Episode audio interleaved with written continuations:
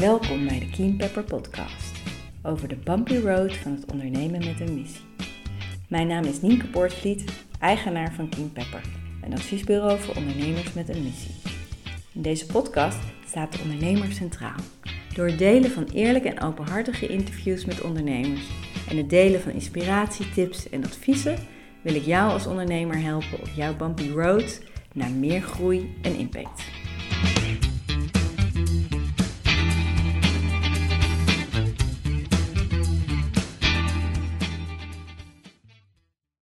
Welkom bij het tweede seizoen van de Keen Pepper podcast. Aflevering nummer 17. Yes, ik ben heel blij en enthousiast en excited om weer te beginnen, om weer te podcasten. Ik eh, ben een, ehm, de podcast heeft zo'n beetje een half jaar stilgelegen door privéomstandigheden. En eh, ik had gewoon niet de rust en de ruimte en de energie en de focus om uh, te podcasten. En nu is dat, heb ik dat gelukkig wel en heb ik heel veel zin in dit tweede seizoen. Wat helemaal in het teken staat van groei. Daar ga ik straks meer over vertellen. Wat jullie daarvan kunnen verwachten. Welke thema's ik ga bespreken. En um, waar het allemaal over zal gaan. Maar ik wil eerst even jullie bijpraten hoe het met mij is. En hoe het staat met de laatste Keen Pepper ontwikkelingen. En even terugkijken naar het vorige seizoen. Want er is dus best wel veel waardevolle lessen en content gedeeld. En nou, wil ik nog even op reflecteren, op terugkijken. En dan dus uh, vooral vooruitkijken naar wat het komende seizoen uh, jullie te wachten staat. Hoe is het met Keen Pepper? Het gaat goed. Ik ben dus weer aan het podcasten, maar ook volop bezig met mijn ambitie om alle kennis en ervaring die ik de afgelopen jaren nou, inmiddels meer dan tien jaar uh, heb opgedaan met het werken met uh, uh, sociaal ondernemers, het werken met missiegedreven ondernemers, om dat te vertalen naar online programma's. ik heb al vorig jaar gedeeld over de ambitie om het Team Pepper groeiprogramma te maken voor vrouwelijke ondernemers. Maar um, nou, dat heb ik nu heel even op een onhold gezet, op een lager pitje, omdat ik eerst een aantal kleinere programma's wil maken waaronder een programma over fondsen werven. Wat een belangrijk thema is voor veel sociaal ondernemers, vooral als je uh, actief bent in het sociaal domein. Dus um, daar heb ik heel veel ervaring mee en, en kennis over. Dus dat uh, wordt een van de eerste uh, online programma's. Dus daar ja, wordt volgens mij echt heel, heel waardevol. En ik heb er ja, sowieso heel veel zin in om dat um, met jullie te gaan delen. Maar um, nou, stay tuned zou ik zeggen. Dus mocht je nog niet geabonneerd zijn op mijn nieuwsbrief, doe dat vooral. Dat kan via de site komt gewoon een pop-up uh, en daar kan je dan je inschrijven op keenpepper.nl. En volg mij op social media, Facebook, LinkedIn.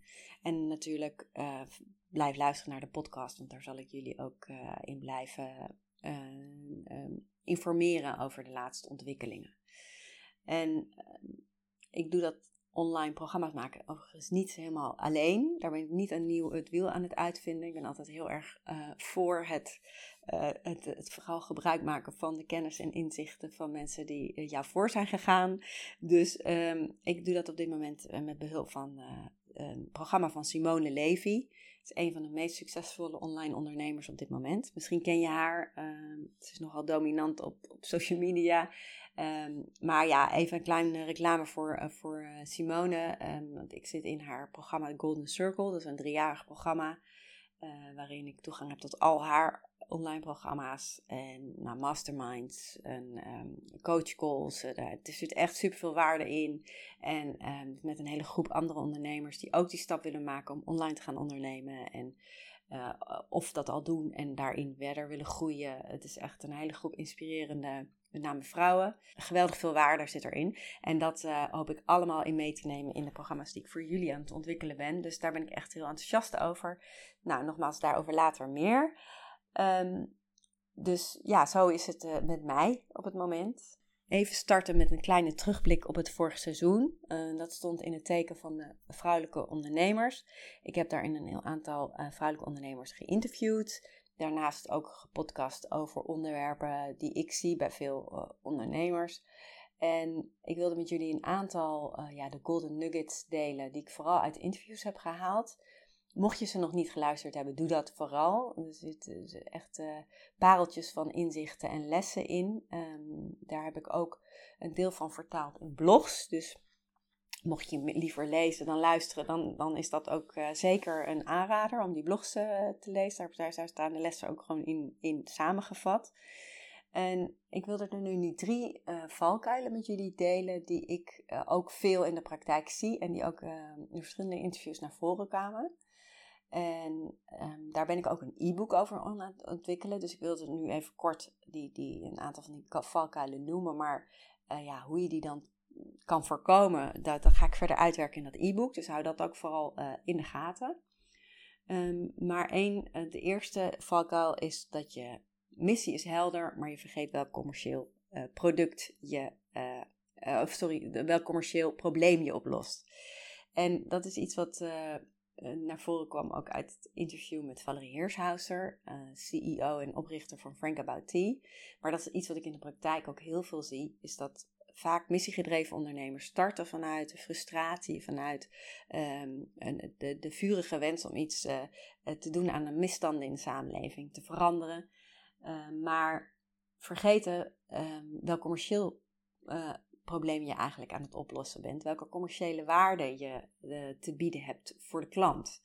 En dat is wel echt een dure les, want uiteindelijk als je niet, uh, als je je bedrijf bouwt om, om alleen je missie en je vergeet daarin gewoon een ijzersterke commerciële uh, businessmodel eromheen te bouwen, dan is je, is je onderneming geen lang leven beschoren. En dat is echt iets wat ik in de praktijk wel vaak zie misgaan. En je product of je dienst moet gewoon ook van kop tot teen kloppen. Weet je, het is, het is, het is het, verhaal, de impact die je wil maken, dat is niet genoeg. Dus, dus in het geval van Valerie um, is dat zij met Frank About Tea de theesector wil hervormen. Ze wil een eerlijke prijs bieden voor de thee, voor de theeboeren. En die keten uh, korter maken door direct in te kopen bij de boer.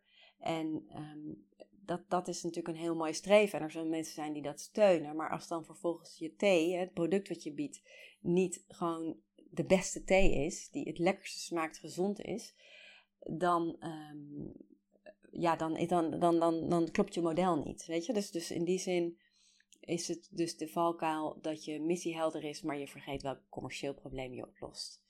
En de tweede valkuil is dat je je te veel gaat identificeren met je bedrijf. En ik denk dat dat niet exclusief geldt voor missiegedreven ondernemers, voor sociaal ondernemers, maar dat dat wel iets is wat, wat vaak voorkomt binnen die doelgroep. Juist omdat je zo gedreven bent.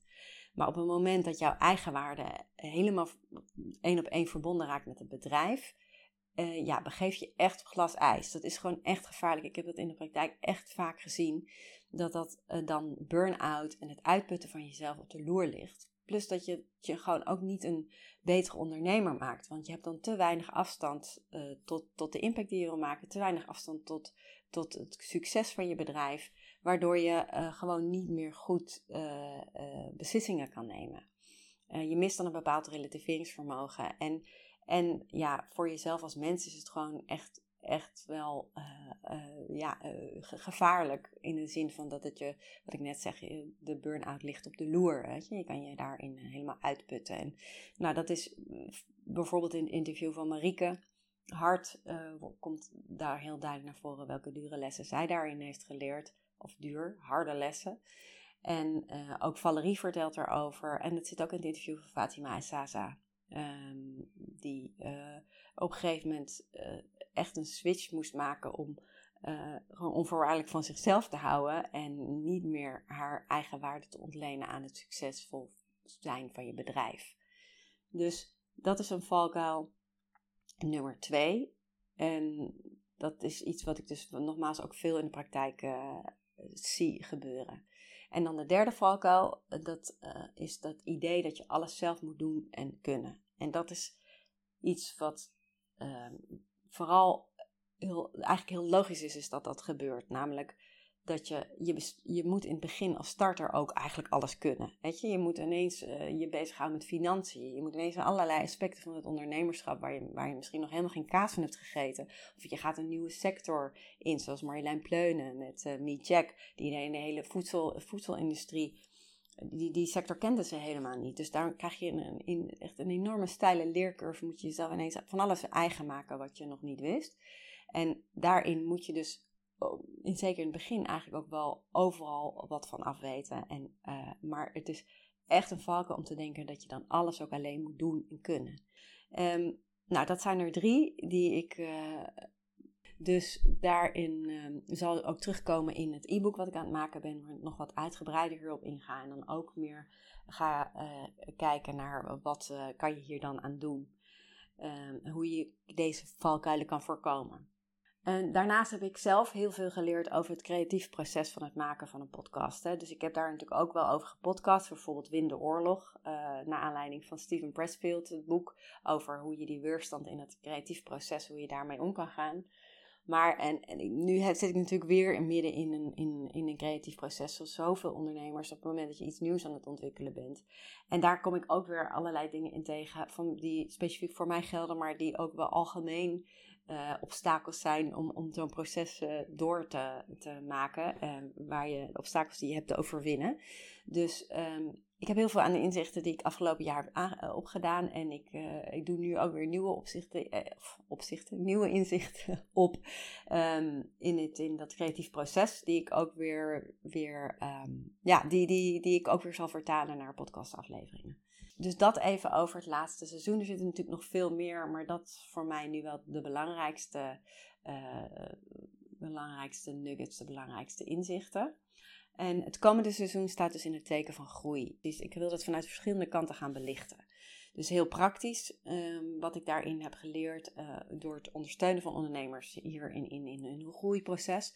Maar ook meer reflectief, van wat betekent dat nou? Wat is uh, groei en, en welke onderdelen daarvan zijn belangrijk, weet je En wat is, hoe definieer je groei? En dat doe ik vanuit mijn ervaring en, en vanuit mijn kennis en expertise, maar dus ook onderzoekend. En vragen die dan centraal staan, bijvoorbeeld, wat zijn de belangrijkste obstakels voor groei? Dat zei ik net al.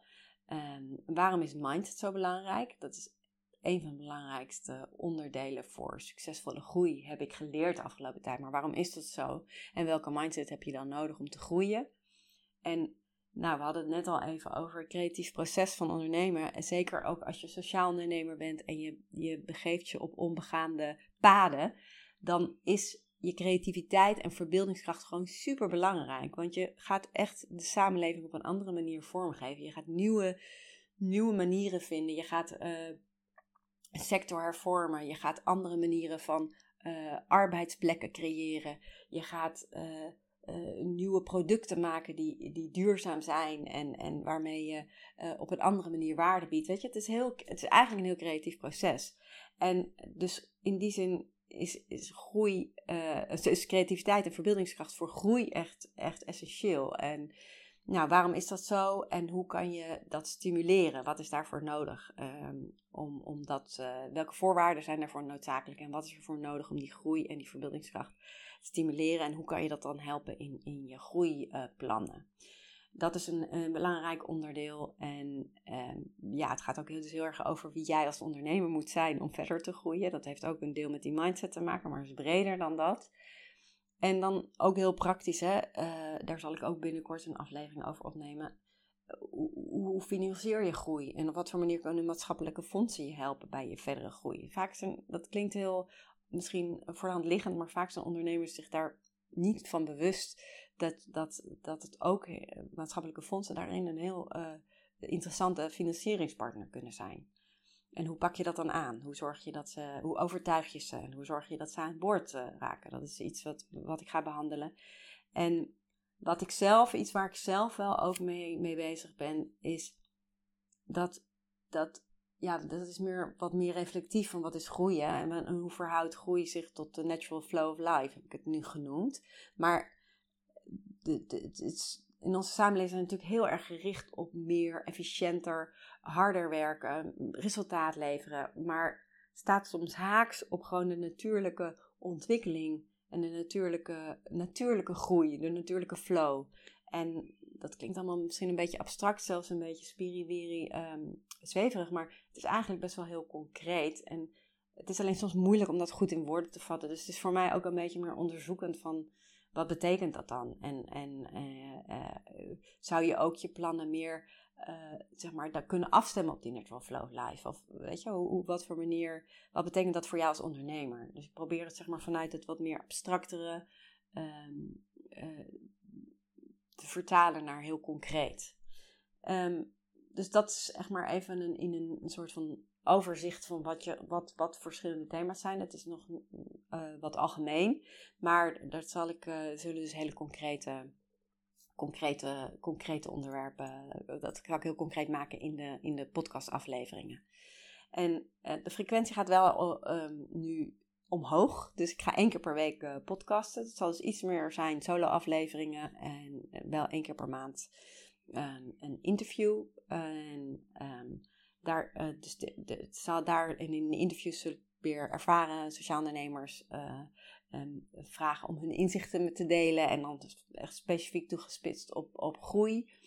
En die al een groeiproces hebben meegemaakt of daar nog middenin zitten. En ik wil ook een aantal ondernemers interviewen die misschien niet direct in het vakje sociaal ondernemers zijn te eh, vatten, maar wel um, missiegedreven ondernemers die uh, mij ook op verschillende niveaus in, inspireren. Een voorbeeld daarvan is Han de Wit. Hij is uh, schrijver, uh, ondernemer en boeddhistisch leraar. Argaya. Ik heb vorig jaar, ook vorig jaar, vorig seizoen, ook een aantal keer over hem um, gehad, naar hem gerefereerd. En dus hij inspireert mij um, met zijn boeken en met, met de trainingen waar ik ben geweest, die hij heeft gegeven. Maar hij is ook ondernemer. Hij heeft hier het Shambhala boeddhisme opgericht. Hij had daarin een hele duidelijke missie. En ik wil graag met hem ook over hebben, over hoe hij die missie hier heeft proberen te verwezenlijken, waar hij daar als ondernemer tegenaan is gelopen en hoe zich dat dan weer verhoudt tot zijn, tot het, tot zijn boeddhistische overtuigingen. Dus dat, dat belooft een heel, daar heb ik ook heel veel zin in, om hem uh, te mogen interviewen en dat te delen met jullie.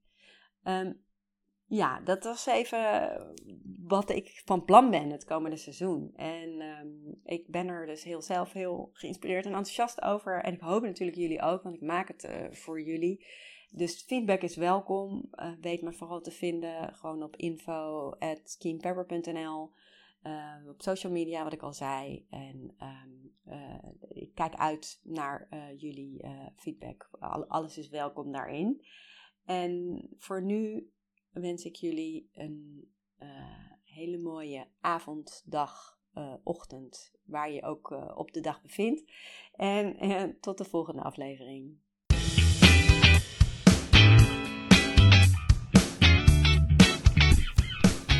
Dank voor het luisteren naar de Keen Pepper podcast. Als je deze podcast interessant vindt, kan je je via jouw podcast-app abonneren via de button subscribe of abonneren. Elke keer als er een nieuwe aflevering wordt gepubliceerd, ontvang je dan automatisch een berichtje. Je kan via de podcast-app ook een review achterlaten, dan kunnen nog meer mensen de podcast vinden. Als je iemand kent voor wie deze podcast ook interessant is, kan je de podcast ook delen via een eenvoudig linkje via Spotify bijvoorbeeld. En last but not least, ik vind het super leuk om berichtjes te ontvangen van luisteraars. Dus laat het vooral weten als je vragen hebt, opmerkingen of suggesties of als je een belangrijk inzicht hebt gekregen door de podcast. Je kan mij bereiken op info@keenpepper.nl. Nogmaals, heel erg bedankt voor het luisteren en tot de volgende aflevering.